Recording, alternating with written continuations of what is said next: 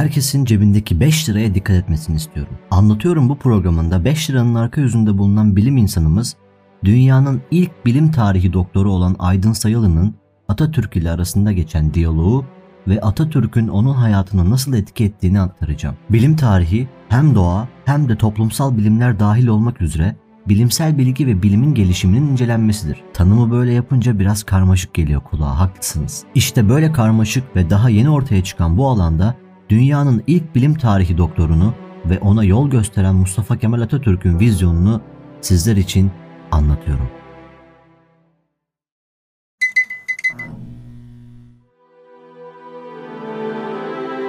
Aydın Sayılı 1913 yılında İstanbul'da doğmuştur. Tarih yaprakları 1933 senesini gösterdiğinde Atatürk, Ankara Erkek Lisesi'nin tarih coğrafya grubu bakalorya sınavına yani o dönem üniversiteye girebilmek için liseden sonra verilen olgunluk sınavına girmişti. Bir aslantı eseri olarak Aydın Sayılı'nın sınavını bizzat Atatürk yaptı ve 1 saat 20 dakika süren bu sınav boyunca ona çeşitli sorular sordu. Atatürk'ün sorduğu sorular arasında Osmanlılar döneminde Volga Nehri ile Don Nehri'ni birleştirme girişiminin siyasi ve ekonomik değeri, Sovyetler Birliği'nin kurulmasında Türkiye'nin yapmış olabileceği etki ve Timur ile Beyazıt arasındaki savaşın nedeni gibi sorularda bulunuyordu. Sınav bittikten sonra Aydın Sayılı'nın verdiği yanıtları çok beğenen Atatürk, Sayılı'yı yanına çağırdı ve sordu. Aferin Aydın, sen ne olmak istiyorsun? Su mühendisi paşam dedi Aydın Sayılı. Atatürk bu durumda vizyonerliğini ortaya koyan ve Türkiye'nin gelişimine katkıda bulunan müthiş bir öneride bulundu. Herkes su mühendisi olabilir. Seni tarihçi yapalım.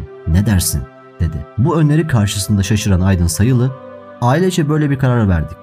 Bunu değiştirmek için anne ve babamın onayını almam gerekiyor paşam dedi. Bu yanıt Atatürk'ün çok hoşuna gitti ve kararını verdikten sonra o dönemdeki Eğitim Bakanı Reşit Galip Bey'e kararını bildirmesini istedi. Daha sonra Aydın Sayılı salondan çıkınca Atatürk Reşit Galip Bey'e dönerek "Bravo bu çocuğa. Şimdiden hoca olmuştur. Bu çocuğu takip edelim."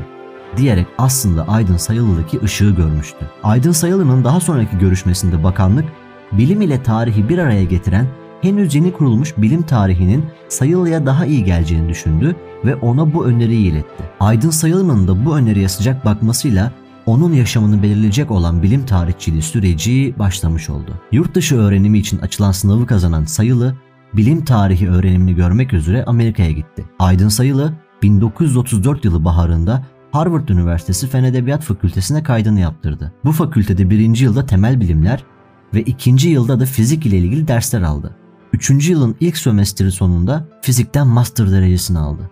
Bundan sonra da bilim tarihi eğitimine başladı. Harvard Üniversitesi'nde bilim tarihi bölümünün başında bu disiplinin kurucusu olan George Sarton bulunuyordu. Sarton, Orta Çağ İslam uygarlığındaki bilimsel çalışmalara ve bunların batı bilimine olan etkisi konusunda büyük bir ilgi duyuyordu. İşte Böyle yetenekli ve zeki bilim insanları tarafından yetiştirilen Aydın Sayılı, İslam dünyasında bilim ve eğitim kurumları başlığı taşıyan tezini tamamladı ve 2 Mart 1942'de bilim tarihinde doktora derecesini aldı. Bu doktora Harvard Üniversitesi'nde Sarton'un yönetimi altında ve dünyada bilinen ilk bilim tarihi doktorasıydı. Yani anlayacağınız Aydın Sayılı dünyada bilinen ilk bilim tarihi doktoruydu.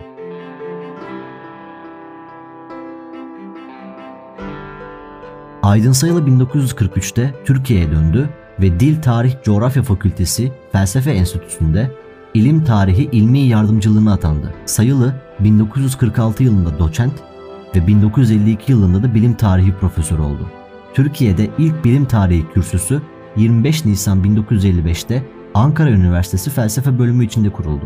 31 Mayıs 1955'te de Aydın Sayılı buraya kürsü profesör olarak atandı. Böylece bilim tarihi 4 yıllık eğitim veren ve araştırmacı yetiştiren akademik bir dal haline geldi. 1982'de emekli olan Aydın Sayılı, 1983 yılında Atatürk Kültür Merkezi Başkanlığına getirildi. 1993'teki ölümünden bir ay öncesine kadar da bu görevini yürüttü. Aydın Sayılı yayınladığı çok sayıda kitap ve makalelerinde özellikle İslam ve Türk dünyasındaki bilimsel gelişmelerin tarihi üzerinde durdu. 1948 yılında Hayatta en hakiki mürşit ilimdir adlı yazdığı kitabı onun en temel eserlerinden biridir. Bu kitabı literatürde özgün bir düşünce ürünü ve düşünceyi kamçılayıcı bir eser olarak nitelendirilmiştir. İşte 5 liranın arka yüzünde aslında koskoca bir bilim tarihi yatmaktadır ve Türkiye'nin yetiştirdiği en aydın insanlardan birisi olan o ismin adı yaşamaktadır. Bu tarz hikayelerimizin devamını istiyorsanız kanala abone olmayı unutmayın.